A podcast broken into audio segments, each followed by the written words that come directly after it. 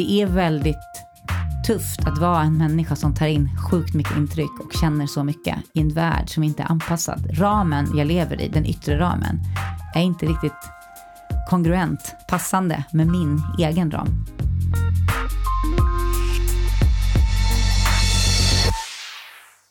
Välkomna till fjärde avsnittet av Min dolda smärta. En poddserie om smärta som inte alltid syns på utsidan. Allt ifrån dolda och kroniska sjukdomar till psykisk ohälsa, rädsla, skada, förlust eller beroende. Idag ska vi bland annat prata om flykten från sårbarheten och högkänslighet. Ibland förkortat HSP, Highly Sensitive Person, som först på senare år uppmärksammats av forskare och läkare.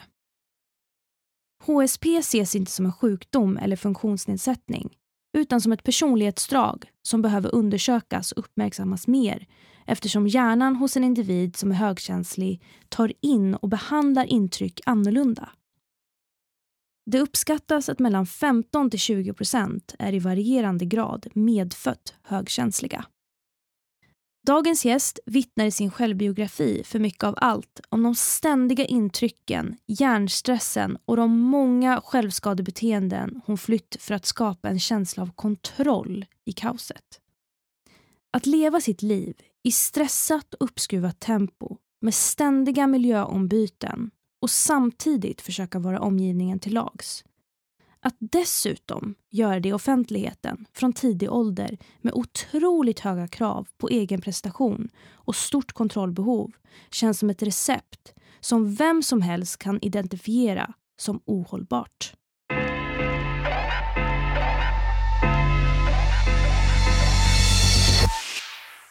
Dagens gäst är en person som jag alltid har tyckt är väldigt inspirerande, cool, stark, modig, talangfull. Hon är en fantastisk människa, skådespelerska, radioprofil, programledare, författare, mamma. Ja, listan är lång. Hon har varit med om extremt mycket. För mycket av allt. Precis som titeln på hennes självbiografi. Och idag är hon här för att prata om sårbarhet, flykten ifrån den och hur man tar sig ur sitt mörker och reser sig upp igen. Välkommen hit, Sanna Bråding. Tack så mycket, Athena. Vilken fin presentation. Ja, men tack. Nej, men jag är så himla glad att få träffa dig igen. Eh, och älskade verkligen din bok, för mycket av allt. Och innan vi, när vi satte oss här så berättade jag för dig att jag både har läst och lyssnat på den. Eh, så fint. Och berördes verkligen. Jättefint skrivet. Jag skrev den väldigt mycket just för, inte för att det var så kul att lämna ut de sämsta sidorna av mig själv, utan för att jag insåg att när jag hade levt så många år jag hade levt då, mm. så hade jag sett så mycket och träffat många människor och insåg hur lika vi var, men mm. att vi mm. dömer varandra så lätt och så mm. snabbt.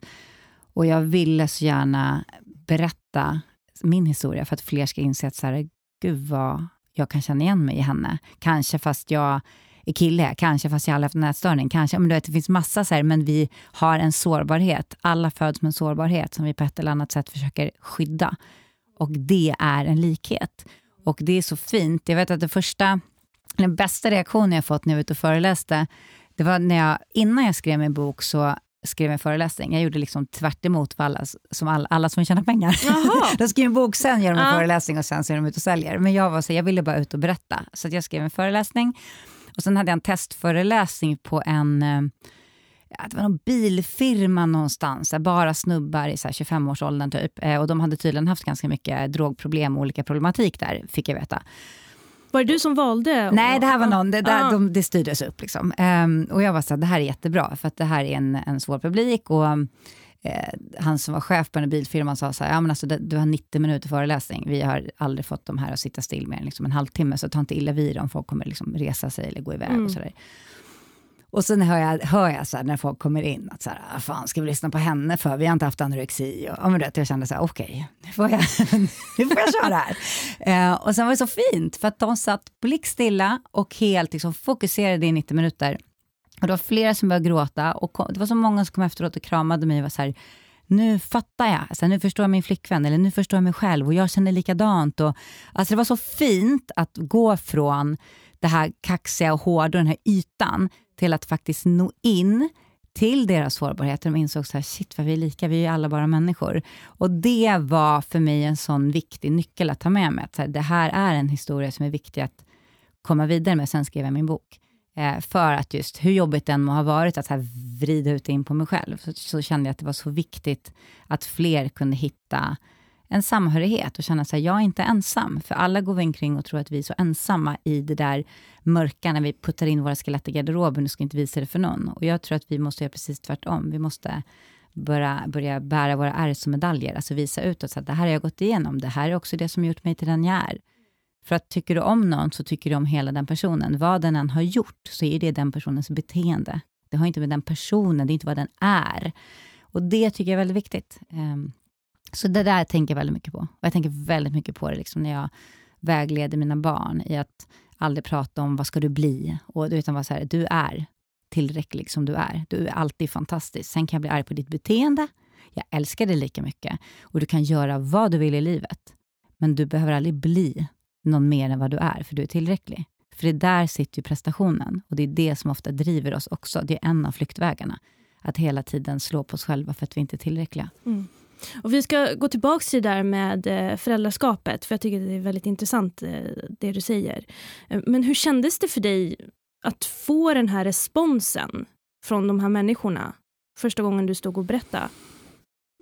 Alltså någonstans fick jag bara en bekräftelse på det jag redan kände att det var rätt. Så någonting i livet tog ju mig till att börja skriva ner det här. Och jag mm. vet att under de åren jag mådde som sämst, så var det som att en del av mig, min själ, liksom hela tiden sa till mig, så här, Sanna du behöver gå igenom det här, men det är inte för alltid. Det var som att jag visste att jag samlade på mig kunskap för livet. Och det är så svårt att förklara, men det har också gjort att jag lättare har nått väldigt många människor eh, på olika sätt, för att de vet att jag vet. Alltså, jag kommer aldrig döma dem. Um, så att eh, någonstans förstod jag innan att så här, de kommer ju eh, ta åt sig någonting av det här, eller ta till sig någonting av det här, men det blev bättre än vad jag trodde. Så det gav mig, det gjorde mig väldigt rörd och väldigt glad. Och Jag kommer ihåg att jag åkte därifrån väldigt nöjd och, och varm inombords, för att jag vet att när du väl har sått ett frö i en människa, så är det svårt att plocka bort det. Många gånger är det starten på någonting positivt som händer den personen. När du börjar medvetliggöra dina omedvetna beteenden eller förstå att du är en del av en större helhet, då är det ganska svårt att fortsätta behandla dig lika illa som du gjort innan, även om det kanske behövs fler sådana liksom, frön utifrån olika håll. Så var jag eh, åtminstone med och fick plantera ett. Mm. Och det har ju hänt väldigt mycket sen du släppte din självbiografi för vad var det, 2016. Ja, du släppte precis. Den. Mm. fem år sedan. Um, en väldigt ärlig bild av hur du mådde och vem du var och vad du har gått igenom, hela din resa helt enkelt. Men det jag undrar är, vem är Sanna Bråding idag? Jag är nog, eller jag är nog, jag är samma person som jag alltid har varit. Bara det att jag sitter på en en större erfarenhet och en tyngre ryggsäck. Jag har samlat på mig verktyg med, med allt jag varit med om och genom mitt liv. Så jag tror att jag är mycket mer öppen med den jag är idag, den jag var redan som barn. Den väldigt högkänsliga eh, personen som har en regnbåge i sitt inre. Alltså det har ju alltid varit väldigt tydligt för mig att jag måste få uttrycka hela mitt väsen ända sedan jag var litet barn. Alltså jag var väldigt, hur var det tydligt för dig? Jag behövde bara det och jag klarade inte av att, att um, klä mig som man skulle enligt normen. Eller, du vet, jag hade så starka åsikter om hur jag ville se ut och vad jag ville ha för smycken och vad jag redan när jag var några år gammal. Och jag blev kallad eh, mycket saker i skolan för att jag inte såg ut som alla andra. Men för mig var det viktigare att vara sann gentemot min själ än att sätta på mig en yta och passa in för stunden, men att de som kände mig kände inte hela mig då. Och det är lika sant idag. Det är den delen som liksom aldrig har tagit stryk på något sätt, för det förstärkte mig vem jag är. Men däremot så, den själen i mig, som jag nu samarbetar med mitt inre barn, alltså på ett annat sätt, den, henne tryckte jag ju bort helt för att jag inte klarade av att känna. Så att jag är mycket mer i i min sårbarhet och i mina känslor idag. Alltså mycket mer lik mig själv som liten. Jag tror att någonstans var det min, och är det min högkänslighet som jag någonstans skyddar i att bara få vara mig själv. Mm. Om vi går tillbaka till just din barndom. Minns du när du kände ilska för första gången? Nej, jag eh, minns inte så mycket om mina känslor. Eh, jag, jag, vet att jag gick, när jag gick i terapi, en av alla, alla olika gånger jag gått, så sa jag så här, nej men minns bara att jag var glad. Och han var så här, ah, det här är ett varningstecken, bara i det. att du inte ens minns en andra gång. Du liksom. Mm. Men jag minns att jag ehm, eh, var, inte arg, men att jag var ledsen ganska mycket, på, just på kvällarna. Och eh, hade väldigt mycket funderingar om, om världen. Alltså just av varför den såg ut som den gjorde och varför det var så mycket ondska i världen och krig och, och varför det var så många som mådde dåligt. Och Jag såg ju dem i skolan och klassen som jag märkte inte mådde så bra och det kändes som att jag var den enda som såg det. Mm. Det där är en förmåga jag har än idag, att så här, se igenom människor väldigt mycket. Och det är ju en gift och en curse. Alltså att känna in energier och hur folk mår och allt det där. Men eh, det minns jag att jag mådde väldigt dåligt över. Men just ilska har jag nog istället haft en väldigt brist på. Jag tror i efterhand att det är någonting jag har lärt mig att det är skamfyllt. Att vara arg. Så att jag har vänt det gentemot mig själv istället. Och det tror jag är jättevanligt att många gör, framförallt tjejer. Mm. För att vara arg, det är väldigt mycket på något sätt att stå upp för sig själv. Att låta mina känslor spela roll. Och det kände inte jag att jag var värd. Så jag höll mycket inom mig själv och blev arg på mig själv och slå på mig själv. Och det är det som en av grunderna till, till att jag utvecklade ätstörningar, eller liksom mm. självskadebeteenden, mm. var ju en så här, om jag bara skadar mig själv så, mm. så är jag värd mitt liv. Mm. Det är en, grund, liksom en grundkänsla jag hade. Plus det här med att om jag skadar mig själv så gör det mer ont fysiskt än det som känns in, inombords, för det är värre. Så det hör ju liksom ihop. Men det är ju en del att jag inte... Jag kan inte komma ihåg en enda gång jag var mm. arg. Jag blev arg, eller jag blev ledsen. Jag fick ont i magen om jag såg folk kasta skräp på gatan redan när jag var liten. Det får jag än idag också. Jag tycker det är hemskt när människor inte respekterar den liksom, jord vi lever på. Men det var jättestarkt för mig. Men då blev jag liksom... Jag fick bara ont i kroppen av det. Men det, en, det var ju en ilska. Mm. Minns du någon gång där du kände sorg för första gången? Ja, jag minns ju när min farmor dog. Och jag minns ju samtidigt att jag inte kunde gråta då. Och det är ju för mig en tydlig start på min flykt, för i det hände ju någonting med mig. Att jag kunde sitta på hennes begravning och inte gråta. Och jag fick så dåligt samvete över att så här, hur kan jag som älskar henne så mycket inte gråta när alla andra runt mig gråter? Och Det var ju ett sätt att jag lärde mig stänga av. Och i samband med det så hade jag en teaterföreställning um, som jag blev skjutsad till direkt efter själva begravningen. Och där minns jag så tydligt att jag fick som en aha-upplevelse när jag gick in på scenen. Att så här, jag kan ju gå in i en roll mm. och så kan jag stänga av och så behöver jag inte känna så mycket. Och det gjorde allting så mycket lättare. Då var jag 11. Och då var jag redan, hade redan börjat gått in i, i liksom, med depression. Så att jag, ehm, eller jag blev mer och mer deprimerad. Så där var någonstans starten. Och det är ju en sorg, att förlora någon jag verkligen tycker om. Men hade jag förlorat henne idag hade sorgen sett helt annorlunda ut. Den hade varit mycket mer påtaglig. Då var allt så... Jag, jag vet liksom inte om jag tog in det riktigt vad som hände. Så sorgen var ju inte liksom en ren sorg. Det blev ju mer att jag stängde in den mm. i mig själv. Var det oväntat att, att hon gick bort? Ja, så det kom plötsligt, men eh, hon var ju, hon var ju äldre och så det hände ju någon gång. Sen tycker jag att hon gärna hade kunnat få leva längre, men eh, det var inte så här... Alltså det är klart att det, det kom som en chock och jag kan inte minnas här hur jag fick veta det och ingenting. Jag minns bara begravningen. Mm. Att det var så, jag vet inte, så tragiskt på något sätt. Att jag inte kunde, kunde tillåta mig att känna ens då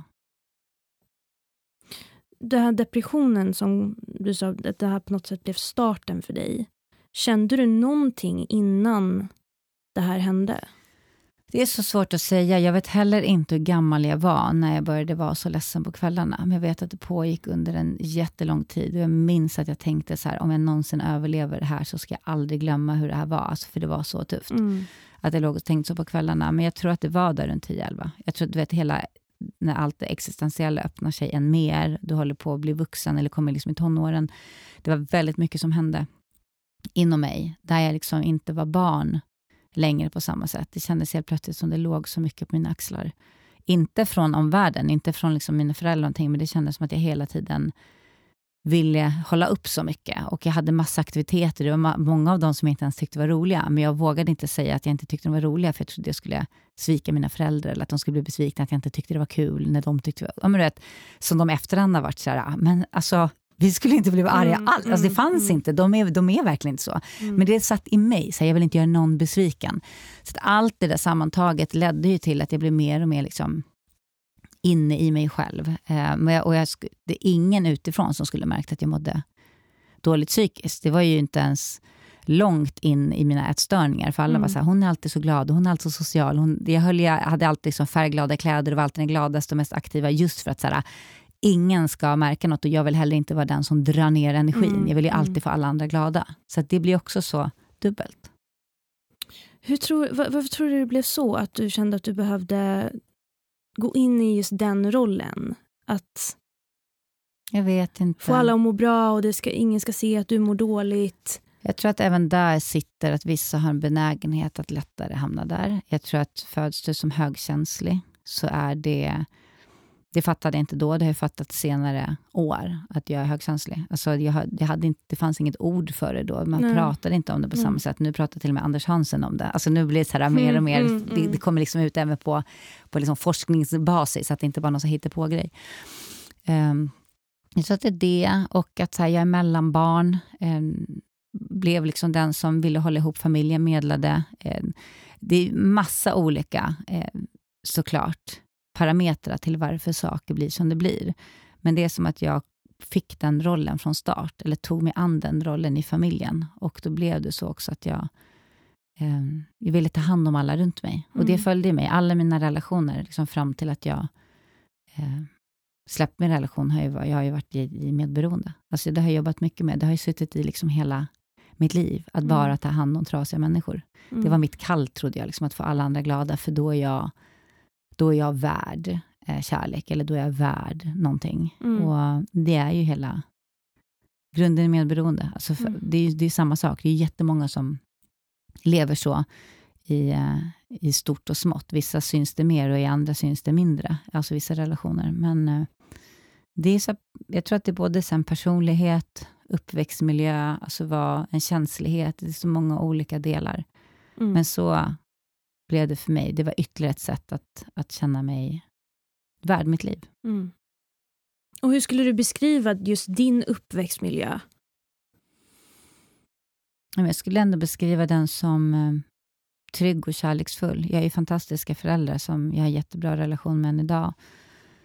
Men också saker som såklart påverkade mig. Jag hade vissa eh, liksom problem i syskonrelationen. Jag har en, ett syskon, en bror som jag har jättebra kontakt med, en bror som jag inte har kontakt med idag.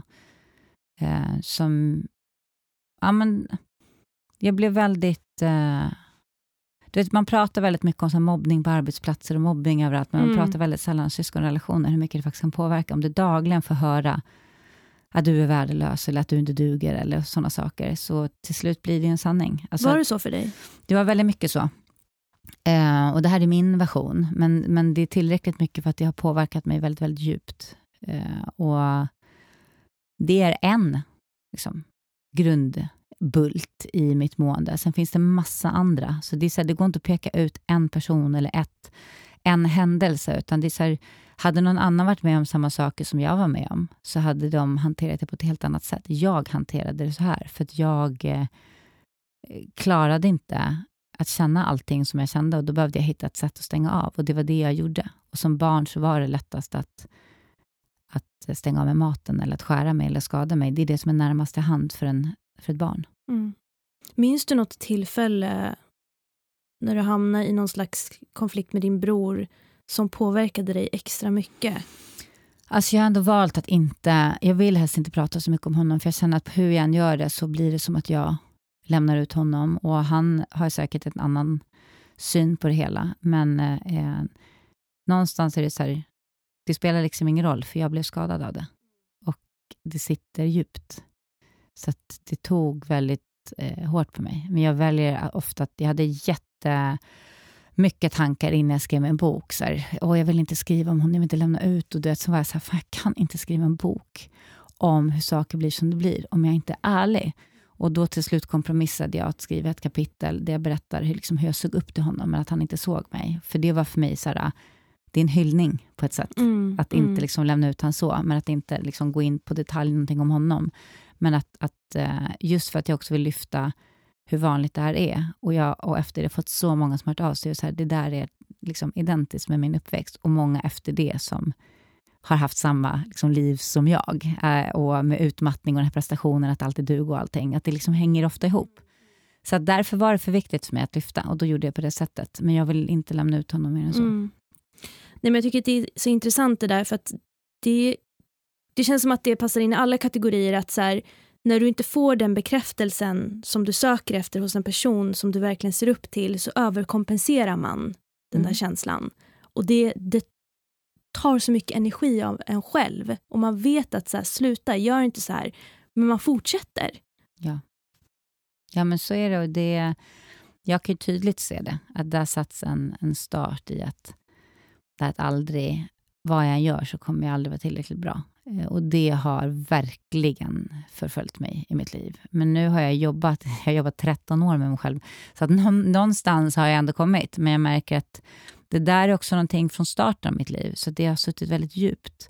Och det är vissa saker som jag tänker också så här, det är så mycket som makes sense när du väl, när du väl tittar tillbaka i backspegeln. Och det är det jag ofta säger till människor som är så här, Åh, det är så tufft. Jag säger, men en dag kommer du kunna titta tillbaka på allt det här med ett leende och förstå varför. Det är svårt att förstå nu, för du kan tycka så här, Åh, det är typiskt, det här händer alltid mig, eller varför? Och många gånger är det för att lärdomar kommer till oss, tills vi har förstått och byter riktning, eller ändrar beteende, eller vad det än må vara. Många, det, det är så tydligt, jag vet de som har varit i olika medberoende relationer eller misshandelsrelationer eller någonting. Och många säger så här, så går de tillbaka till en ny kille Mm. som misshandlar dem. Och jag är så här, men är ni dumma i huvudet? Tror att så här, ja men jag vill jättegärna ha en kille som slår mig, eller jättegärna ha en kille som trycker ner mig, eller vad det nu må vara. Det har ju med hur jag ser på mig själv och vad jag drar till mig och vad jag tillåter. För att en stor del människor hade liksom gått direkt, eller du vet aldrig ens tillåtit den här typen av obalans funnits i en relation. Medan väldigt många människor, jag en av dem, stannar kvar gång på gång på gång efter det där förlåtet. I snitt så tar det sju gånger att lämna i en medberoende relation, fick jag höra, när jag förnekade att jag var medberoende och hade lämnat sex gånger. Och då insåg jag så här, okej, jag kanske, kanske ligger något i det här.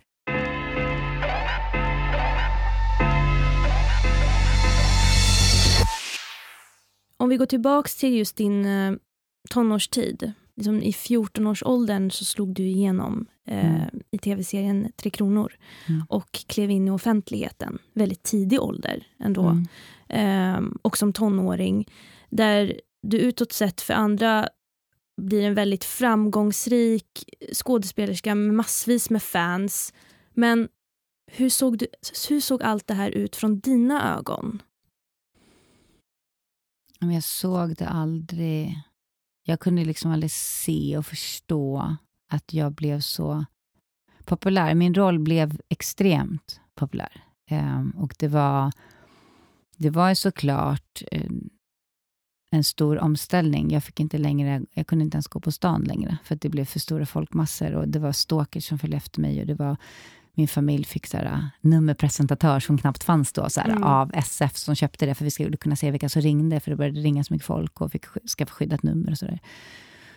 Och det, det var en stor, men jag var så här, mitt fokus låg så mycket på att så här, ingen ska tro att jag tror att jag är för mer. Alltså, så det var så viktigt för mig att så här, vara samma gamla Sanna och verkligen visa mina vänner att jag är precis som jag alltid varit. Och jag sparade alla mina pengar jag tjänade på banken för jag ville liksom inte leva för mer än någon. Och, alltså det var väldigt... Eh, jag var så rädd att någon skulle tro att jag trodde att jag var något. Alltså Varför, det, varför kände du så? Ja, men det var så, jag tror att allt det där hänger ihop med Mm. att, eh, som det här egna värdet, att så här, är jag verkligen värd det här, som jag pratade om innan.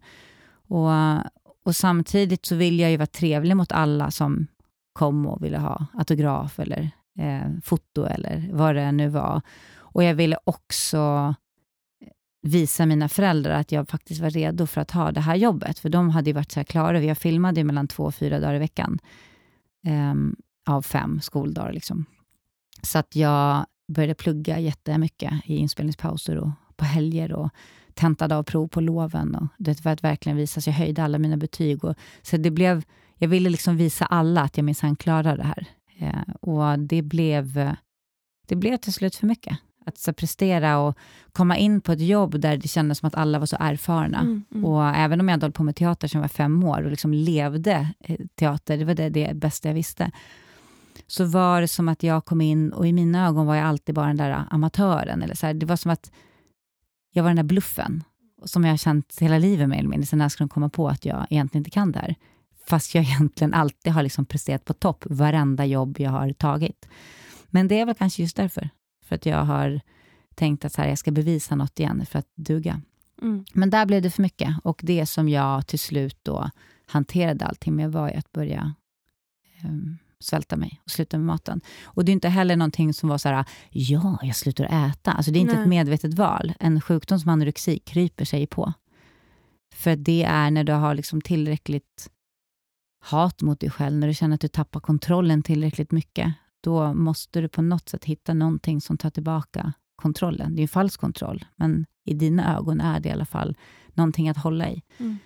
Så då började jag utveckla ätstörningar. Och det blev liksom ett sätt för mig att hantera situationen. På vilket sätt smög det sig fram? Såg du något första tecken? Eller vad alltså, var det jag som hände? minns inte. Jag vet att jag bara var där. Det är väl det som är det tydliga som är omedvetet. Jag var bara där. Alltså i... En dag var det bara självklart att allt var schemalagt och jag tränade varje dag och jag visste vad, alltså jag lärde mig allting om vad alla livsmedel innehöll liksom kalorimässigt och fettmässigt. Och det blev ju...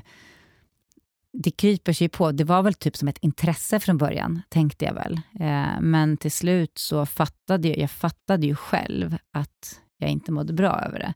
Men då hade jag byggt upp en sån fasad, att jag var ju livrädd också att någon skulle krackelera den. För krackelerade någon den, det var ju det enda jag hade.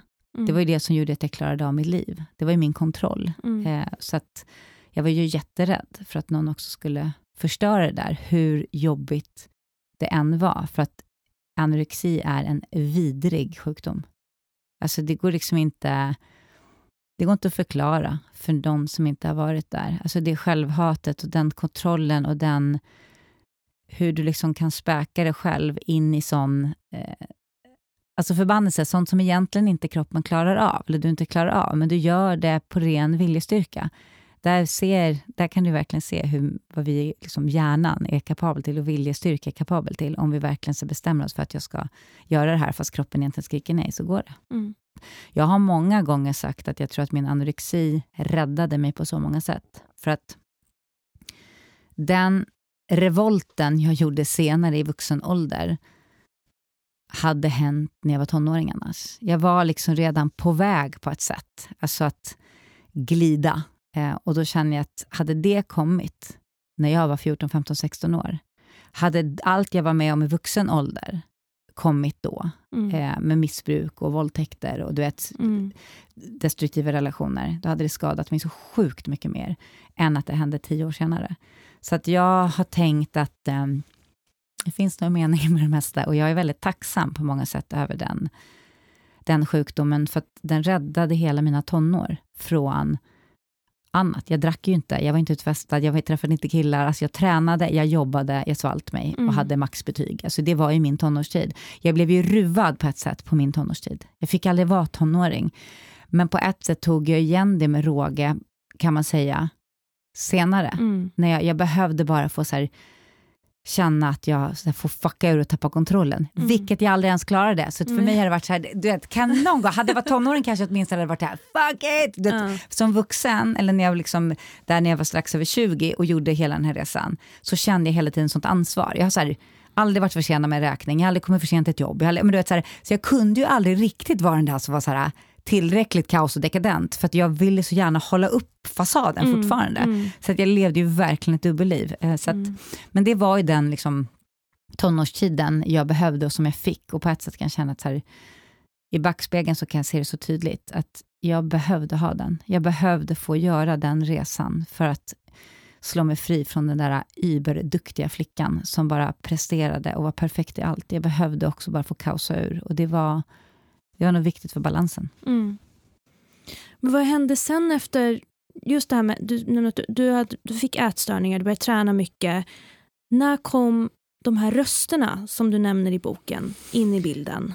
När hörde du röster för första gången? Alltså i mig, det kom direkt när ätstörningarna utvecklades. Jag tror att varenda, varenda en där ute som lyssnar som har en ätstörning vet exakt vad jag pratar om. Och även säkert andra missbruk, alkoholmissbruk eller droger eller vad det än är. När, när du vill en sak, men rösten säger någonting annat och du följer rösten. För att när för mig har det alltid varit som en mansröst i mitt huvud. Lite som kalanka, så en man på den, eller en jävel på den ena axeln och en ängel på den andra. Och Det var så konstant krig i mitt huvud. Ängeln var ju liksom mitt inre, min själ. Den, den som liksom ville mig väl. Och den andra rösten i sinnet som bara vill pressa mig så långt jag kan. Och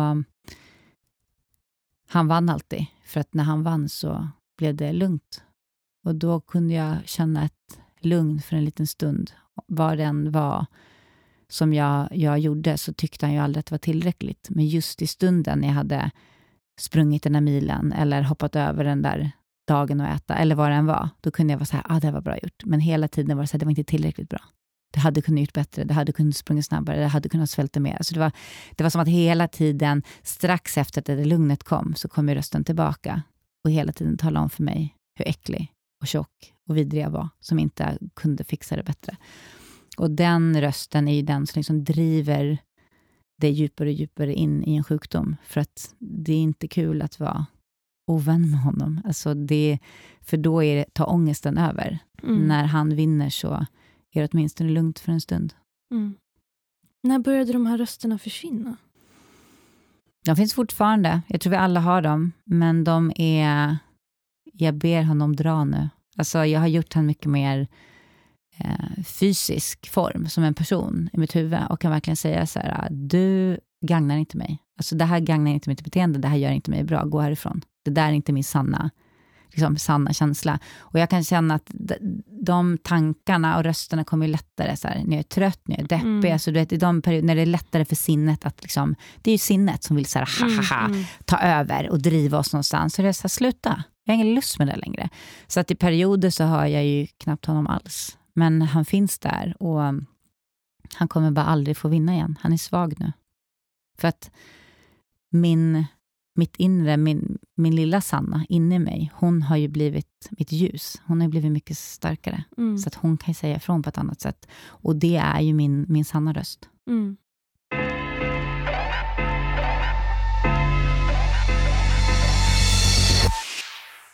Du nämnde ju att eh, ätstörningen blev någon slags räddning för dig under tonåren. Men om du tittar tillbaka, hade du velat få mer stöd under den här perioden? Alltså det är svårt att säga. För hade jag fått mer stöd hade jag aldrig varit den jag är idag. Um, och jag vet inte vilket stöd som hade kunnat... Jag, de försökte ju. Jag, jag fick ju... De tog mig till barn och ungdomspsykiatrin och läkare. Och, alltså det var ju många som ändå var det dina föräldrar som tog dig Precis, dit? Ja. och även så, skolan reagerade mm. ju och lärare reagerade. Och liksom, så det var ju en del. Eh, men eh, jag släppte inte in någon. Och det spelar liksom ingen roll vilken professionell hjälp du än får. Är du inte redo att förändra dig, så spelar det ingen roll. Alltså, så är det ju. Sen är det vissa som är bättre på att krackelera det där skalet än andra. Så att jag säger inte så här, ah, det är ingen idé. Det är inte det jag menar. Men till syvende och sist är det så här, det är bara du som besitter kraften att förändra ditt eget liv. Hur gammal den må vara. Är du pytteliten så klart att du inte, inte förstår det. Men ju äldre du är, så här, jag kunde säga så här, jag kunde hitta på lögner eller förklara att jag inte var sjuk eller att jag inte behövde deras hjälp. Vägra gå på de samtalen. Alltså, hur skulle de nå mig om jag vägrade att lyssna? Mm. Så att jag gick ju med på att gå och ta blodprover en gång i månaden under hela min gymnasietid. Det var ju det enda jag gick med på, för att de skulle se att det liksom inte blev för illa. Men det var också det. Så att, jag vet inte vilken hjälp jag hade behövt få för och vad, vad det hade gett mig då. Mm. Men det är klart att det finns ju jättemånga som får hjälp och det finns ätstörningscenter och, alltså, som verkligen hjälper. Jag vet inte ens om det fanns då eller varför jag inte var där, men jag har ingen mm. aning. Men, mm. men jag gick inom psykiatrin. Eller de försökte få mig att gå där. Men jag tror att det är klart att det går att förändra, men det handlar väldigt mycket om att att få personen i fråga att liksom älska sig själv och känna mm. ett eget värde. Och Jag tror att det var för mycket runt mig. För att jag, jag var heller inte liksom kapabel till att bara ta den där pausen. Jag kanske skulle behövts läggas in ett tag. Eller du vet, verkligen få ta bort allt brus runt omkring mig. Men det var inte... Jag hade ju mer än någonsin. Liksom. Jag mm. jobbade ju dygnet runt. Mm. Så det är svårt att säga. Mm. Um, vad, vad jag hade kunnat behövt för hjälp. Jag får jätteofta den frågan, så här, vad hade du önskat att vuxna gjorde och allting. Jag hade ju en sminkös på den tiden som jobbade på Tre Kronor. Hon var den enda som nådde mig. Och hon, för hon såg ju igenom. De andra någonstans, väldigt många accepterade mitt beteende, eller var så här, trodde på mina lögner, eller du vet, jag var väldigt bra på att hålla masken. Men hon kände igen, hon var själv gammal bulimiker. Det visste inte jag då, men det visste jag sen. Så att hon haffade mig en dag in i sminket när vi spelade in Mimmo Reine-fjällen, en långfilm som jag gjorde när jag var 17. Och eh, ställde mig mot väggen. Och var verkligen så här, jag vet vad du håller på med. Jag vet om rösterna i ditt huvud. Jag vet, du vet att hon kunde säga naila varenda ja. grej som hände inom mig, som jag hade gått omkring och trott att så här, jag är ensam om det här. Det är bara jag som känner så här. Och helt plötsligt stod hon där och bara stack hål på allting. Och jag var bara en i mängden. Jag var bara en av alla andra som mådde så här. Och det var jäkligt obehagligt, så det minns jag jättetydligt, att hon var den första som verkligen så stack hål på någonting och nådde ända in i mitt inre och fick mig att bryta ihop totalt. Och jag vet att den, det samtalet gjorde ju någonting med mig.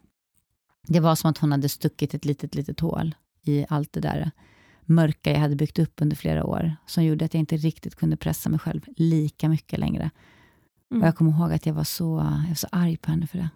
Samtidigt som jag kände en sån, sån kärlek för att det kändes som att vi hade någonting, alltså en hemlighet som ingen annan visste om, att hon, hade, hon såg mig. Mm. Och det var också väldigt skönt att inse att jag är inte ensam. Mm. Så att det, mitt tips är ofta så här, har du varit igenom någonting, så här, dela med dig. Det är det jag känner. Jag känner att jag har ett ansvar att dela med mig. För att varje gång kan nå någon som hon nådde mig, som lyssnar och tänker sig, shit hon säger exakt det som jag tänker inom mig själv. Det var därför jag skrev min bok. Mm. Men jag kan tycka att det där också kan bli svårt när du ser på en person att den mår dåligt. Man vet inte hur långt man ska gå. För hon ställde ju verkligen dig mot väggen. Mm. Vilket var någonting som du behövde då. Du blev arg men det var någonting som du behövde. Men om man är personen utifrån och ser att en person mår dåligt, vad tror du, hur tror du man kan nå den här personen på bästa sätt? Det är så svårt, för det är så individuellt. Alltså vad du bär på, vem du är mm. och hur du reagerar. Väldigt många kommer ju reagera i affekt. Mm. Framförallt om du har någon typ av missbruk, så mm. kommer du ju eh, bli arg och försvara. För att det värsta som finns är att någon tar det ifrån dig. Mm. För det är ju din trygghet. Även om du vet själv att du inte mår bra av det och har kommit till den insikten, så är det fortfarande din trygghet. Men var den. Jag säger det så här, var, alltså tuff kärlek. Var den där jobbiga som visar att du ser, som inte bara låter det fortgå för att det är bekvämt. Vi behöver vara de som är obekväma också. Och väldigt många som mår dåligt har ett tydligt, liksom tydligt mönster att de slutar successivt byter de umgängeskrets och slutar umgås med de de brukar umgås med. För det blir jobbigare och jobbigare när folk börjar se dig. Det är jobbigare och jobbigare när någon säger så här, men hur mår du egentligen? Mm. Då är det lättare att börja umgås med människor som är lika trasiga, där faktiskt ingen bryr sig om hur du mår och där du kan bry dig om andra. Um, så det är liksom ett första varningstecken när du märker att umgängeskretsen börjar ändra sig och så fort du frågar hur någon mår, att den personen blir arg eller Alltså att då, då kan du, det, det är en bekräftelse på att ja, den här personen mår inte bra. Och det kan vara en, ett, liksom ett första steg. Sen så finns det massa olika sätt att närma sig, för att det är inte heller kul om, om personen bryter kontakten med dig eller drar hemifrån eller vad det än må vara. Så det mm. handlar om att göra det mm. liksom successivt. Men jag tänker också att ett bra steg är att, att ta från sina egna erfarenheter och börja prata om mig själv.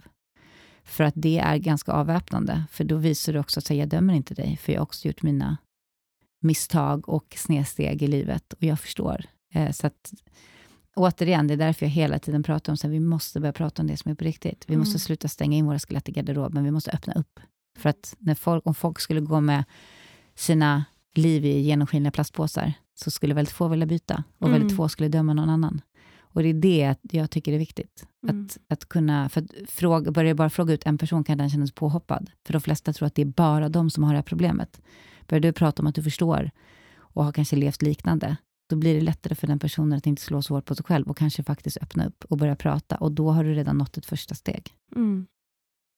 Och just det här med att gömma sina skelett i garderoben, det här med missbruket och umgängeskrets och ätstörningar och sexet, var det på något sätt en slags flykt för dig? Eller att gömma skelett i garderoben? Nej, det var bara ett sätt att överleva. Eh, det var, alltså när, jag brukar jämföra med om du har huvudvärk och så tar du en värktablett. Du har huvudvärk, det är ett symptom. Du har ju det på grund av någonting annat. Men så, så tar du inte reda på varför har jag huvudvärk. Utan jag tar bara en värktablett för att få bort huvudvärken. Mm, mm. Huvudvärken kommer fortsätta och du kommer till slut behöva ta två huvudvärkstabletter. Och så kommer du behöva ta tre för att kroppen vänjer sig.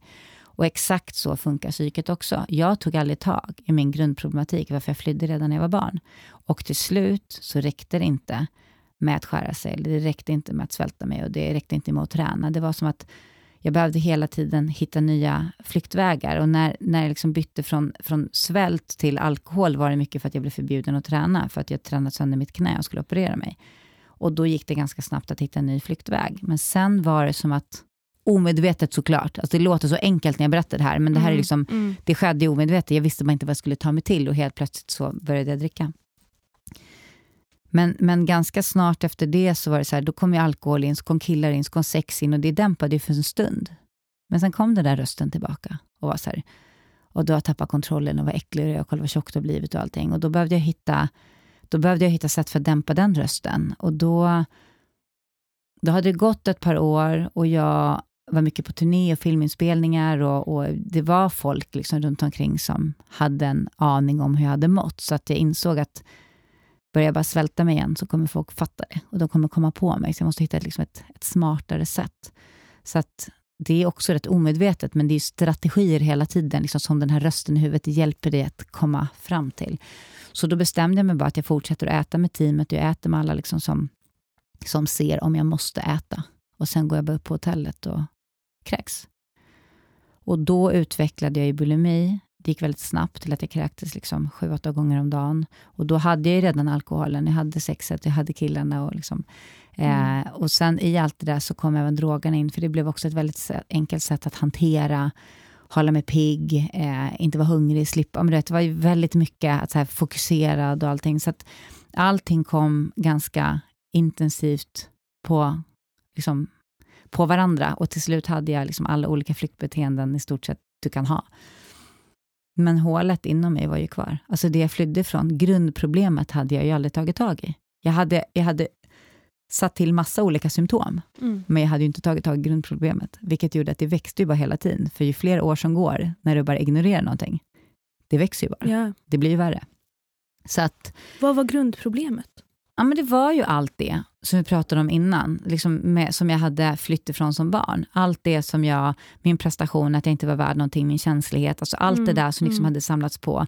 Främst tror jag att det är min känslighet. Att, här, jag klarade inte av att vara så sårbar i en värld som är så hård. Och det kämpar jag med än idag. Nu när jag liksom har tagit 13 år och skalat av alla de där lager som är lök av flyktbeteende, så inser jag så här, herregud, kände jag så här mycket som barn?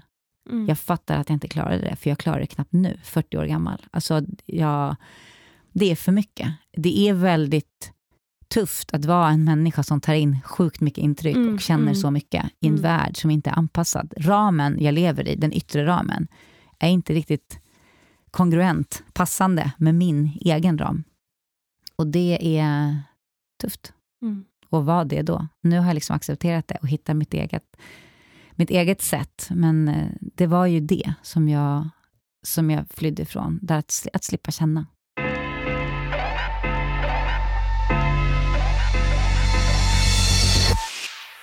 För 13 år sedan så gjordes det en razzia hos dig och mm. du blev dömd för narkotika brott. Mm.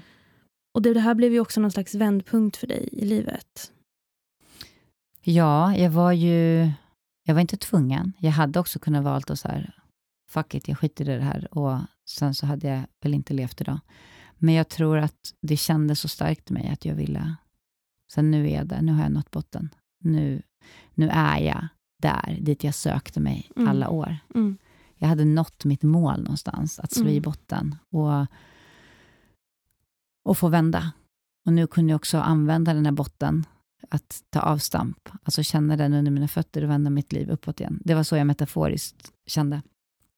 Och det var ganska klart direkt, alltså direkt jag kom i arresten så, började jag bara, så bad jag med papper och penna och satte mig och skrev. Och redan där så kände jag en, alltså en tacksamhet för att det hade hänt. För jag visste någonstans att så här, det här är den chansen jag får. Och jag hade också känt på mig innan, jag brukar göra det, känna på mig när sak, stora saker ska hända i mitt liv. Så jag visste någonstans att där i mars-april så hade jag fått till mig att det kommer hända någonting som gör att mitt liv får en vändning. Och det var ju 28 april, eh, så det var ju då det hände. Så när polisen knackade på dörren på morgonen så visste jag direkt att det var dem. Mm. Jag kände det i hela mig, alltså jag var såhär, det är nu det händer. Så att, och det var ju inte såklart roligt, för det, kom, det bidrog ju till extremt mycket Alltså hela livet förändrades ju. Alla jobb försvann och eh, folk visade sina rätta jag. Och, alltså det var ju verkligen, det var verkligen några år som var väldigt, väldigt, väldigt tuffa. Och hur reste du dig upp från allt det här? Jag bestämde mig. Alltså jag bestämde mig för att... eh, jag, jag blev ju dömd till vård. Eh, men uh, utöver fängelse så blev jag dömd till vård i tre år. Tre års skyddstillsyn med föreskrifter om vård, står i min dom. Men eh, jag kunde inte få den vården. Kriminalvården kunde inte ge mig den vården. Jag var för komple- komplex, typ, komplicerad. Um, och eh, psykiatrin kunde inte hjälpa mig. Och Beroendecenter kunde inte hjälpa mig. Alltså det var så här, jag föll mellan stolarna. Jag passade inte in. Så jag föll mellan stolarna i alla kategorier. Å ena sidan var jag för sjuk, å andra sidan var jag, mådde jag för bra. Eller så var jag för lite beroende. Jag hade egentligen ätstörningar. Och, ja, men vet, det var som att folk Mm, var så här, mm. vi kan inte hjälpa dig, någon annan får det. Så var det liksom på varenda instans, vilket gjorde att jag till slut var så här, okej. När jag liksom var totalt på botten, några månader efter att jag hade åkt fast, så var det en, en, eh, en kille som var väldigt nära till min eh, kille som då satt i fängelse. Som han hade bett liksom, ha extra koll på mig ute, eller så att, om det var någonting jag behövde. Och direkt efter andra rättegången, så den kvällen, så våldtog han mig. Och då var det typ tre, eller typ fyra månader efter att jag åkt fast för någonting. Och under den tiden hade jag verkligen försökt få hjälp. Och då vet jag att jag kände så här, eller jag kände inte direkt, men då låste jag in mig i min lägenhet och bara, det blev bara sämre och sämre och sämre. Efter tre dygn, två eller tre dygn, så ringde jag mina föräldrar och var så här, ni måste hämta mig. För då insåg jag, hämtar de inte mig nu, då kommer inte, jag kommer inte leva. Och då hämtade de mig. Det var så illa och då flyttade jag hem till dem. Och från den dagen bestämde jag mig för att nu får jag göra det själv. Och då insåg jag att så här, vad är det jag behöver? Vad är det vi människor behöver? Det mest liksom basala. Vi behöver rutiner. Mm. Så jag började sätta rutiner. Att så här, jag går upp klockan fem, jag går en timmes promenad varje morgon. Jag, går, jag, så här, jag kommer till slut bli så trött att jag somnar i tid på kvällen, för jag var inte van att sova. Jag tänkte, jag lär min kropp, min kropp att komma in i liksom naturliga rutiner. Jag började äta på klockslag. Jag tittade på folk hur de åt för att lära mig hur en liksom normal portion såg ut. Eh, jag eh, bad dem runt mig att kolla så att jag åt och kolla mig efteråt så att jag inte kräktes. Jag gick och tog blodprover och kollade upp vad jag hade brist på, så jag kunde börja tillföra liksom mineraler och vitaminer. Jag gjorde allt bara för att jag insåg så här, om jag får min fysiska kropp i så bra balans som möjligt, så kommer jag lättare kunna börja jobba med mitt psykiska. Och så slutade jag med så alkohol och koffein och socker och droger, allt, allting och nikotin och allting jag visste kunde påverka min fysiska kropp. Mm. Så det var ju en resa. Mm. Ehm, Men ehm, det, och jag kan ju se nu efterhand så här, att jag förstår så här, fan vad starkt att göra det. Men det fanns inga andra alternativ. Och jag tror också det var väldigt skönt att bara så här, nu fick jag något nytt att gå in i. Det blev som ett projekt och där fick väl mitt gamla anorektiska jag vara så här, schemaläggning, Mm, mm. fast nu faktiskt för något positivt. Så att jag, jag har ju insett att det var exakt samma krafter som tog mig till min absoluta botten, som var de krafterna som tog mig därifrån. Mm. Och det är det jag lyfter ofta när jag pratar med mina barn och när jag pratar med folk runt mig, alla de här, vi är många som inte passar i den satta mallen i samhället. Och istället för att hela tiden försöka pinpointa och säga att du är fel eller vi medicinerar bort dig så du blir lugnare eller kan sitta still eller vad det nu må vara. Um, så jag förstår att vissa behöver medicin, men, men det beror på också, behöver du för att du ska må bra eller behöver du för att, för att samhället mm, vill att du ska passa mm. in i den här mallen? Det är det jag eh, motsäger mig. Och, men just att om vi... Jag älskar min metafor, att om du sätter dig i en, i en avancerad sportbil och inte kan köra bil, så kommer du krascha den där bilen direkt. Men lär du manövrera den, så kommer du köra bättre och snabbare än alla andra. Och så ser jag på alla de människorna som går omkring och inte passar in i mallen, att här, ni har så starka förmågor, alltså ni har så mycket att ge. Och jag kan se det på mina egna barn, som är väldigt lika mig på många sätt. Mm. Att så här, det är tufft att inte alltid vara som alla andra, men det är så jäkla fint. Alltså ni har så mycket. Det finns så många människor där ute och säkert många som lyssnar nu. Så här, du har så mycket som du kan ge. Det är inte alla. Du kan köra dig hårt i botten, ja, men du kan också ta det därifrån. Det är inte alla som hade klarat det. Mm. Alltså din kraft, din superkraft. Och det är just att vara stark och skör i ett. Det är vackert.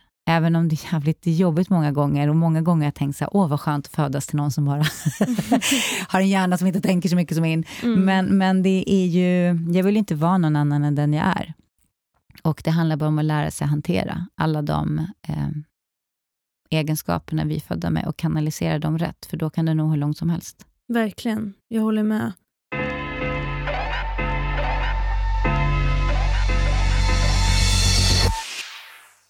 Hur öppen är du med dina känslor idag jämfört med tidigare? Öppen. Jag är mycket, alltså, jag har fortfarande ganska svårt att gråta, för det sitter så djupt. Eh, det blir bättre och bättre. Eh, och jag kan gråta... Jag, jag kan gråta nu. Alltså det händer när jag så här, bråkar med barnen, eller så här, de ser ju allt. Alltså jag är mm. helt öppen hemma. Alltså, mm. och även så mot vänner. Men det är som att jag når inte alltid min gråt. Och det har jag tänkt, så här, det är något jag har jobbat med. För det är inte någonting så här, jag vill inte stänga av. Men den har liksom, det har varit avstängt så länge. Så det är något jag har jobbat med. Men jag märker att jag är lättare och lättare, så här, jag, jag, läser en text eller jag ser en film, eller så här, mm. jag blir lättare rörd. Jag, jag, har en tillgång till det. Men jag har ju mycket lättare också att visa mig arg och liksom sant glad. och det är ärligare. Alltså, den känslan jag visar är mycket ärligare idag mm. än spelad som den var förut. Mm. Så att jag tror säkert att det, det om tio år kommer att ha hänt ännu mer saker, för att vi är på en livsresa och jag, är, mm. jag är långt ifrån klar. Men, men eh, när jag känner att jag är väldigt öppen med vem jag är och även utåt, även på min Instagram eller känner jag också ett ansvar att här, jag visar när det är jobbigt och jag visar när det är bra. Jag håller inte på och visar upp liksom piffa till mig med massa filter. Och, det är så, här, mm, så här är mm. det. Det är jättetufft ibland att vara ensamstående. Det är också fantastiskt. Det är jättejobbigt att ha det här, men det är också fantastiskt. Alltså, du vet, jag visar, för jag tänker att det är livet. Alla har vi det. Och eh, varje gång jag delar med mig av något så får jag liksom hundratals kommentarer av människor som säger tack, jag behövde det här, jag trodde jag var ensam, eller exakt mm, så där är det för mig. Mm. Så att jag märker ju, precis som, som den här podden som du gör, Athena, att prata om någonting som faktiskt, så här, det här tror kanske många att de går och bär på själva. Men att här, det måste Måste dela med oss. Det ska inte vara dolt mm. längre. Det ska nej, inte vara nej, dold nej. smärta. Det ska vara en öppen, liksom, en öppen smärta som vi kan dela tillsammans, för då är det inte så tungt att bära. Precis. Och du är inne på någonting intressant där när du nämnde just det här med Instagram, att inte lägga på något filter och verkligen visa hur man mår. Det känns ändå som att det har blivit jag vet inte om det är rätt ord att säga normaliserat, men det är lite mer vanligt att människor öppnar upp sig mer på internet idag om mm. deras välmående, eh, och finner någon slags stöd hos andra människor på det mm. sättet. Eller vad skulle du säga? Jo, men alltså, det är klart att det blir vanligare och vanligare, för det har ju inte funnits så länge. Alltså, jag tänker att folk hittar ju sina kanaler, men eh, jag vet att när jag åkte fast 2008, så var ju alla liksom folk runt mig i jobbvärlden var ju såhär, nej Sanna, liksom, lägg bara locket på, säg ingenting. Och jag var så fan på riktigt, det, någon måste prata om det. Då var det typ mm. typ ingen som pratade ärligt. Så jag märker ju från att jag pratade öppet om allt som hade hänt 2008, så har det varit jättestor skillnad vilka som faktiskt har vågat öppna upp om, om saker de har varit med om de senare tio åren. Så jag märker att det är några som måste gå i bräschen. Och då sa alla så här, du kommer få göra det själv. Och jag var så här, nej, jag är bara ärlig. Jag tänker inte jag tänker inte ha någon mer lögn. Jag har haft nog med lögner i livet, men alla råd från de liksom mediakunniga var ju precis tvärtom. Då. Mm. Nu tror jag att många säger tvärtom, alltså säger mer som jag sa då.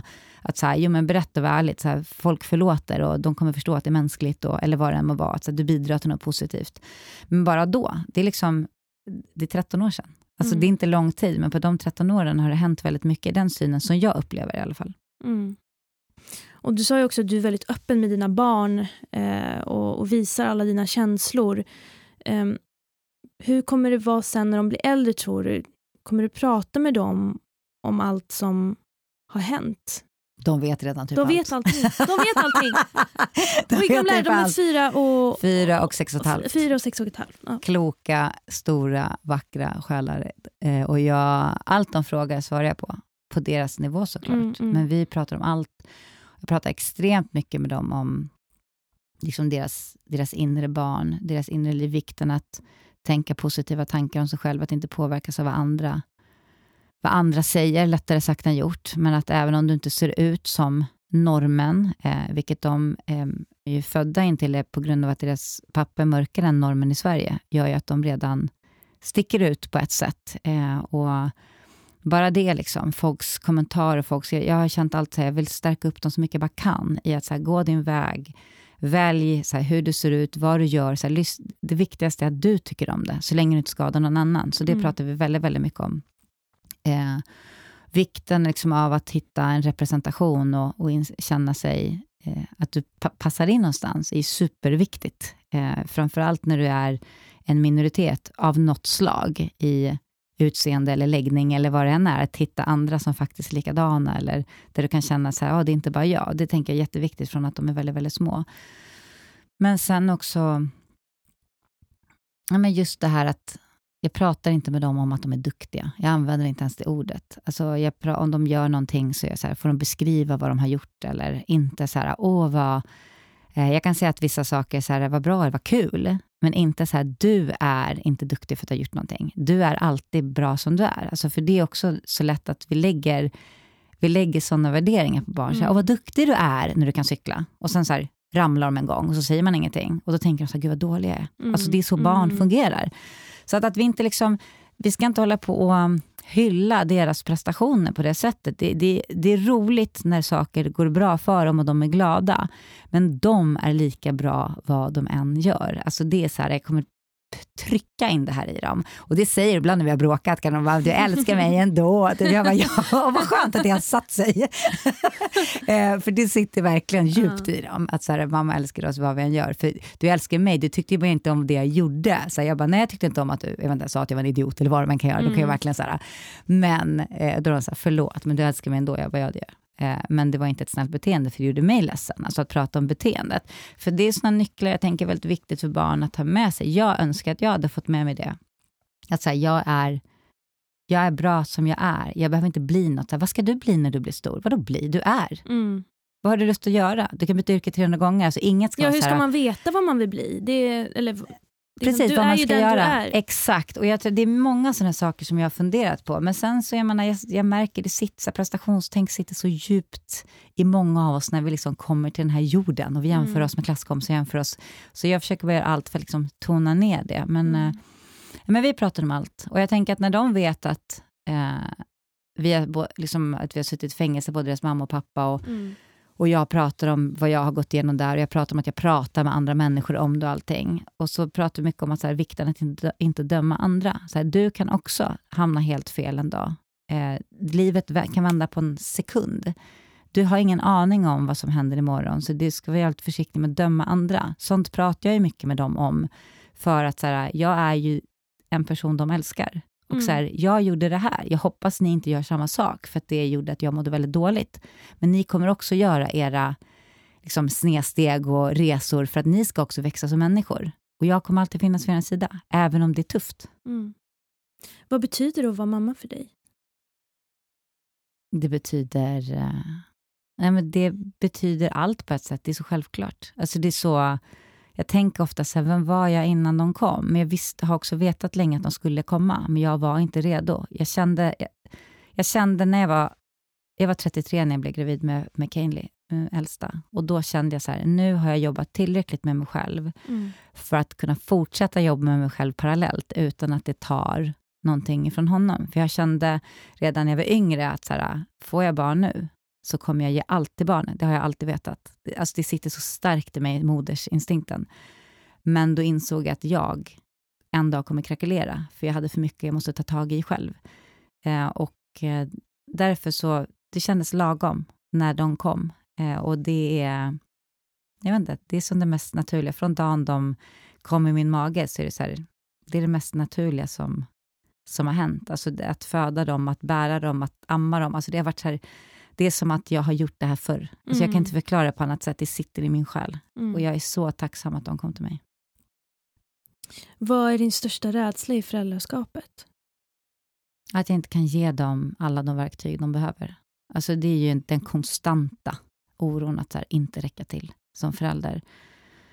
Och att så här, kommer de, vilken skada kommer de ta av att jag alltid bara är själv med dem och eh, deras pappa inte är, liksom är så närvarande som en, en pappa bör vara, eller en till förälder bör vara.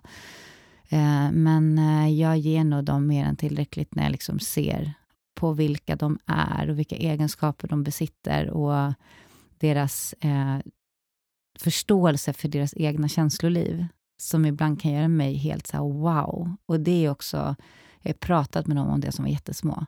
Vart känslorna sitter, hur det känns, att det är olika känslor, alltså beskrivit vad det är som händer i dem, vilket gör att de lättare kan förklara, så att det inte bara är att du blir arg, eller bara, utan du förstår. Mm.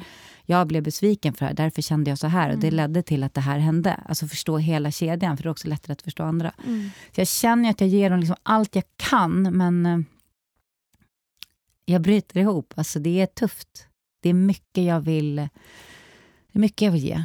Och ofta är den där tanken där att så här, oh, jag borde ha gjort det här, eller var det verkligen tillräckligt och varför blev jag så arg för det? Men du vet, det är så här den eviga föräldergrejen. Och samtidigt kan jag ibland känna att så här, det kanske är det också som är beviset på att jag är en bra förälder. Att jag faktiskt har alla de tankarna, att jag hela tiden vill göra bättre. Mm. Jag såg att du hade publicerat något på Instagram. Jag tror det var igår. Du la upp någon Ja, för några dagar sedan. några Ja, dagar två, sedan, ja, två, tre dagar sedan. Ja, Då pratade du om just det här med att vara otillräcklig. otillräcklig. Ja. Ja. ja, men då... Ja, men det var så här, den här känslan i perioder att så här, gud vad har hänt? Här, Jag är bara Mm. arg och eh, jag säger nej och de lyssnar inte. Och, men du vet, den den här känslan att bara vara totalt överkörd som förälder. Och sen så... Ja, men då hade det väl gått en längre tid där jag kände så här, men det här är inte kul längre. Jag är bara arg, jag skäller på dem, jag är ingen... det- Och sen till slut så bryter jag ihop och sen satt jag och grät på köksgolvet och så kom de och tröstade mig och så pratade vi om allting. Och sen var liksom den kvällen och dagen efter helt fantastisk, alltså, alltså igår så helt fantastiska. Men så vet jag att det här kommer ju igen. Men för varje gång sånt händer så bara det att se hur de tröstar mig. När de är så här, gråt mamma, det är bra för kroppen att släppa ut och så här, så hur de, förståelsen för Fint. allting. Då Mm. tänker jag så här, det är för att jag har tröstat dem så här. Alltså du vet just att så här, det är inte så här, sluta gråt. För det är också en grej vi ofta säger till barn, nej men sluta gråt nu. Vi säger aldrig till ett barn så här, men sluta skratta. Du vet, och jag har alltid varit så här, gråt. Alltså, Mm. att gråta är en fantastiskt viktig egenskap vi har och en, en sorg, en känsla vi måste få ut. Eh, precis som att här, vi beklagar sorgen när någon går bort. Mm, beklaga mm, inte sorgen, mm. beklaga förlusten. Sörj allt vad du kan, Ja, ja. men jag är ledsen att du har mist någon du älskar. Alltså det är det här, det är så mycket som sitter, saker jag ifrågasätter och som jag vill, vill ge dem. Precis som jag säger alltid till dem att det inte, du behöver inte bära mina känslor, jag är vuxen. Jag kan, det är jättefint när vi tröstar mig, men du behöver inte bära mig, för jag är er mamma. Men det är tufft i perioder att vara mamma och pappa ett. Alltså verkligen. Och det är många beslut att ta. Så att det inte... Eh, jag är verkligen ingen, eller det finns ingen perfekt förälder. Men jag gör mitt allra, allra bästa och jag hoppas verkligen att de kommer se tillbaka på sin barndom och vara så här, vi hade den bästa barndomen och vad stark vår mamma var och vad mycket kärlek vi fick. Och det, är min, alltså det är min dröm, att de kan så flyga ut i livet som självständiga, trygga människor och verkligen känna sig värda att, att leva sitt liv som, alltså välja den vägen de vill leva. Hur de än, liksom, eh, vilken väg det än må vara. Mm. Och det tycker jag är jätte, jätte, jätteviktigt. Mm. Och just det här med att känna sig otillräcklig och sätta så höga krav på sig själv. Den, då kommer ju också tillbaka till den här prestationsångesten. Att man alltid måste ge 110 procent i allting. Eh, liksom vara den här perfekta personen som många kvinnor kan känna igen sig i. Mm. Eh, skulle du kunna komma med några bra tips på hur man kan bryta sig loss från det där? För att det är ofta mammor som känner den här känslan att ja. jag är så otillräcklig, jag räcker inte till. Alltså det är svårt för mig att ge tips eftersom jag typ är i den där fällan själv. Men och det, jag vet, där har jag mycket att jobba med. Prestationen finns mm. ju, den sitter där, min ribba ligger liksom mm. skyhögt. Även om jag har gått igenom en utmattning under ett och ett mm. halvt år, där jag rejält sänkte ribban, så mm. inser jag ju att den ändå ligger lite för högt. Eh, mm. om jag liksom ser mig omkring. Men jag tror att det viktigaste tipset jag har, det är att här, vara öppen, mm. prata om det. För mm. att det är någonting i det där uh, samhörigheten, att förstå att, att men det där sitter i ditt huvud och när du är mycket ensam med dina tankar så kommer allt till dig. Att prata med någon annan som ser dig utifrån, som kan lyfta allt det andra positiva den personen ser. Så här, fråga dina vänner. Det var ett tips jag fick. Så här, fråga dina vänner och de runt dig vad de tycker om dig som mamma och som förälder, vad de ser. För då blir bilden lite mer nyanserad än mm. den bilden du har i ditt huvud, där du konstant kan göra bättre. Mm. Um, och det är ett väldigt bra tips. Att så här, hur, vad tycker ni? Så kanske folk säger, men du har, alltid när vi är ute så har du sån, men du så här, du leker alltid mm, med barnen, så mm. inte bara pratar. Vad än må vara, det kan vara saker som du bara, ja men det är ju självklart. Ja men det är inte självklart, för många vuxna gör inte det. Alltså du vet att lyfta, att få höra så här, det positiva som just du gör och var du lägger din prio. Alla lägger olika. Det är inte hela världen. Och det var en skrev häromdagen, bara, jag sitter och kollar på tv med min son och jag orkar inget annat, så dålig. Och jag var så här, men det är väl helt fantastiskt, du är med mm. din son. Du tittar på något tillsammans. Det kan jag tycka är helt fantastiskt. För mina barn har ibland svårt att lyssna när jag läser för de vill ha olika sagor och allting. Men mm. vi kan enas om en film eller enas om någonting och nu är de så pass gamla att det funkar. Det är väl jättehärligt att titta på något tillsammans, kunna prata om det. Alltså det är ju det är stunden tillsammans. Det är inte bara så här, skärmar är jättenegativt. Det handlar om vad du gör med det. Att bara sätta på en tv och låta något litet barn bara sitta och stirra i åtta timmar rakt in i en tv utan att någon förklarar vad som händer. Det är fruktansvärt. Mm. Men att vara med, alltså och, och dela och ibland vara så här, nu måste jag laga mat, ni får kolla på ett avsnitt av det här, ni får leka med det här. Det är inte heller farligt. Alltså det handlar ju om vad vi gör på hela dygnet. Så det är väl det tipset. Fråga dina, dina kompisar hur de ser på dig och slå ut ditt föräldraskap på ett dygn eller på senaste veckan och lyft det positiva du också har gjort. För ofta är det sånt barnen minns. Mm. De minns det fina, du minns det negativa. Mm. Och Det kan också vara värt att påminna sig själv om. Det är sånt som jag övar på. Mm. Jättebra tips, verkligen. Och Du är en person som är väldigt aktiv, av den bilden jag har fått i alla fall. Du är mamma och du jobbar och ja, du, du lever ett väldigt aktivt liv. Jag tänker så här, Hur finner du balans i allt det här? Jag eh, jobbar nog mycket, eller nog, jag jobbar mycket med mitt inre på olika sätt. Och tar den stunden till mig själv. Alltså har, går upp väldigt tidigt för att inte stressa på morgnarna och mm. jag har min stund av eh, liksom andningsövningar eller meditation eller rörelse på morgonen. Eh, jag ger min kropp kost som jag mår bra av. Mm. Och, alltså det finns massa olika eh, sådana delar som jag inser är viktiga, för tankens kraft är det som påverkar oss nästan allra mest. Och ju mer medveten jag blir om det, desto mer jobbar jag med det, alltså på den, mm.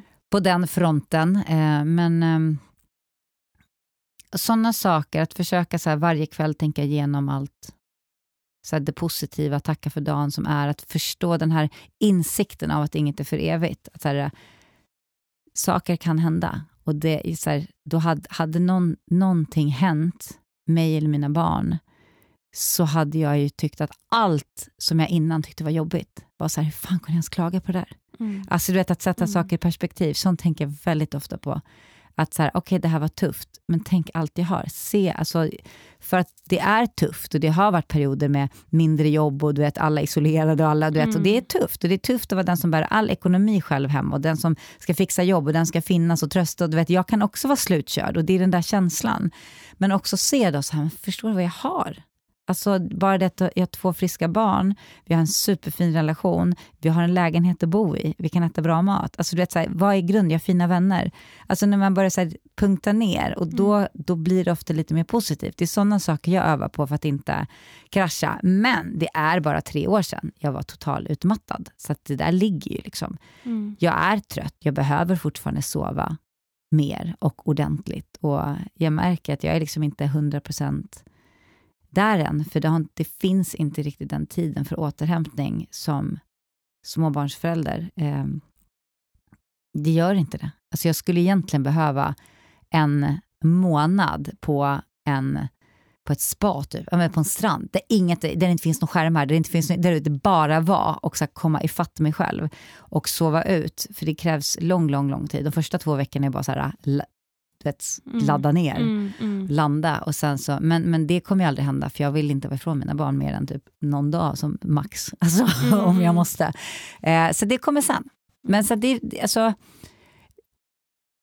det är jobbigt att vara trött och det är svårt att ibland orka, men det är också en period och det är så mycket fint som kommer med det. Och tar du hand om liksom grunderna, försök sova det du kan, ät bra mat, försök sätta dig ner och ha koll på dina tankar. Skriv ner de positiva sakerna med dagen. Alltså du vet sådana små enkla mentala tips. Så kommer saker förändras väldigt mycket i ditt liv. Och det är sånt jag jobbar väldigt mycket med för att, för att hela tiden um, orka och må bra och att hålla kroppen frisk. Mm.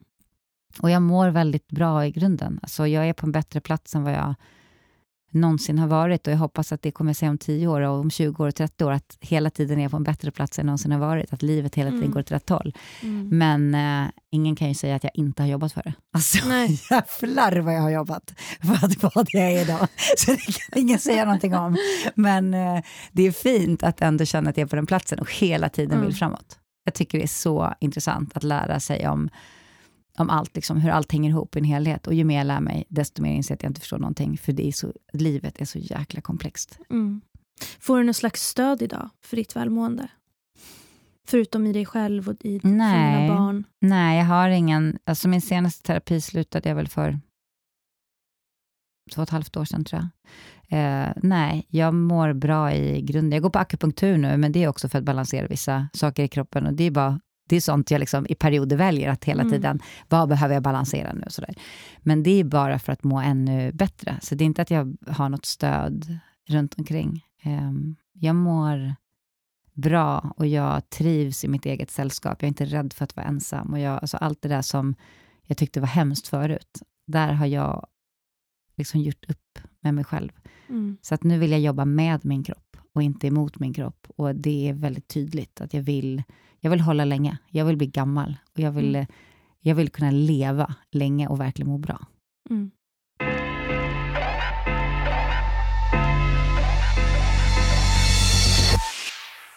Och apropå leva länge och tänka framåt och framtid. Hur känner du inför framtiden? Vad har du för drömmar? Ja, att må bra. Nej, men att vara frisk eh, är det som prio. Att jag och mina barn är friska, det är prio. Men sen att få fortsätta utvecklas och jobba med det jag älskar. Inom, jag, skulle, jag, jag älskar att jobba kreativt egentligen i vilken form som helst.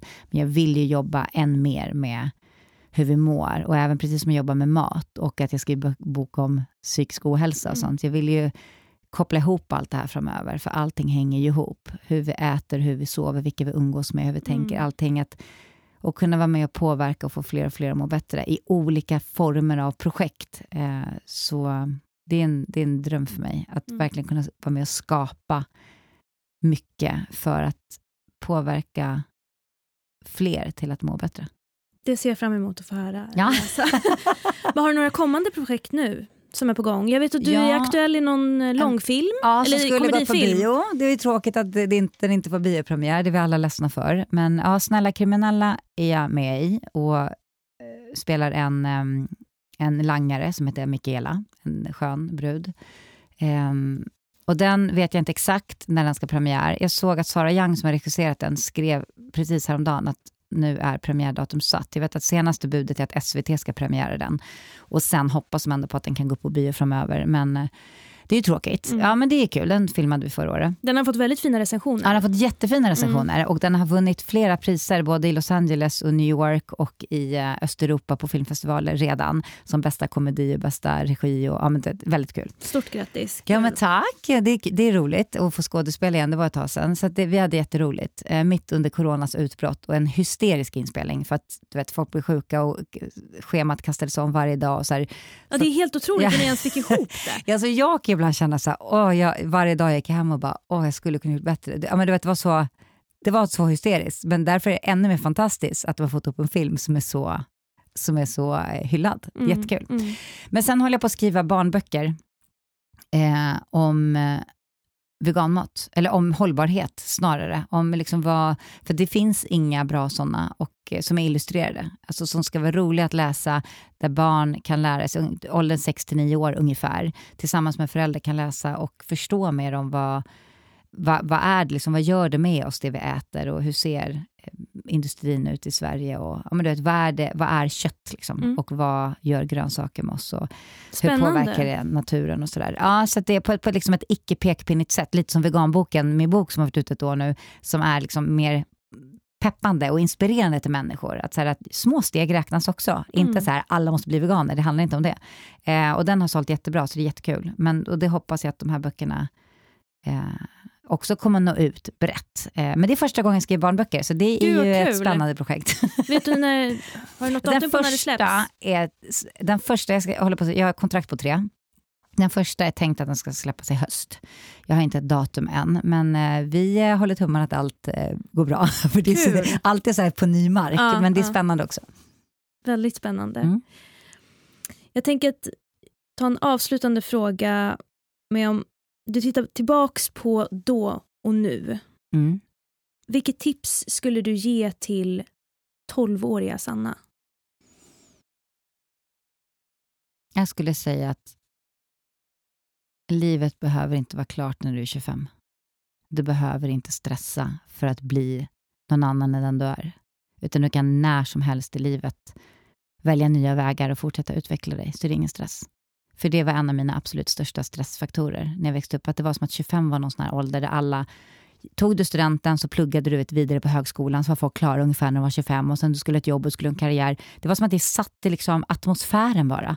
Jag vet inte ens om folk pratade om det, men det var så extremt viktigt att så här, du måste ha nått upp till en viss nivå till du är 25. Sen kanske vissa har 20 och vissa har 30, men det spelar liksom ingen roll, för det finns ingen sån nivå. Du behöver aldrig ha uppnått något speciellt mer än den du är, vilken ålder du än är i. För att alla utvecklas vi olika och alla har vi olika resor. Och vad du än går igenom så kommer det lära dig någonting. Så länge du, du vill väl och liksom lyssnar på ditt inre så kommer du komma dit du ska. Så det är främst det, att här, pressa dig inte, du duger fullt tillräckligt precis som du är. Mm. Fint. Mm. Vilket fint samtal vi har haft, Sanna. Eh, tusen tack för att du delar med dig. Eh, det är viktigt och det är bra. Eh, och Jag hoppas verkligen att du som lyssnar också har känt att eh, det har funnits ett slags stöd i det här samtalet. För Det är ju det som också är målet med den här podden. Exakt. Ehm. ja, det hoppas jag. Innan vi avslutar bara, vart kan man eh, köpa dina böcker om man är intresserad av och, veganboken eller din självbiografi? Det, de går att köpa på nätet. Eh, de har funnits i fysisk butik, men efter ett år så plockas Mm. bort. Har varit ute ett år nu. Eller så går det jättebra, om det var en signerad, Mm. så går det jättebra att höra av sig till mig, bara med ett DM på min Instagram, Mm. så fixar jag det och skickar hem till dig. Perfekt. Eh, tack till dig som har lyssnat. Kommentera, dela och skriv gärna vad du tyckte om avsnittet och prenumerera gärna på podden så hörs vi snart igen. Hej då!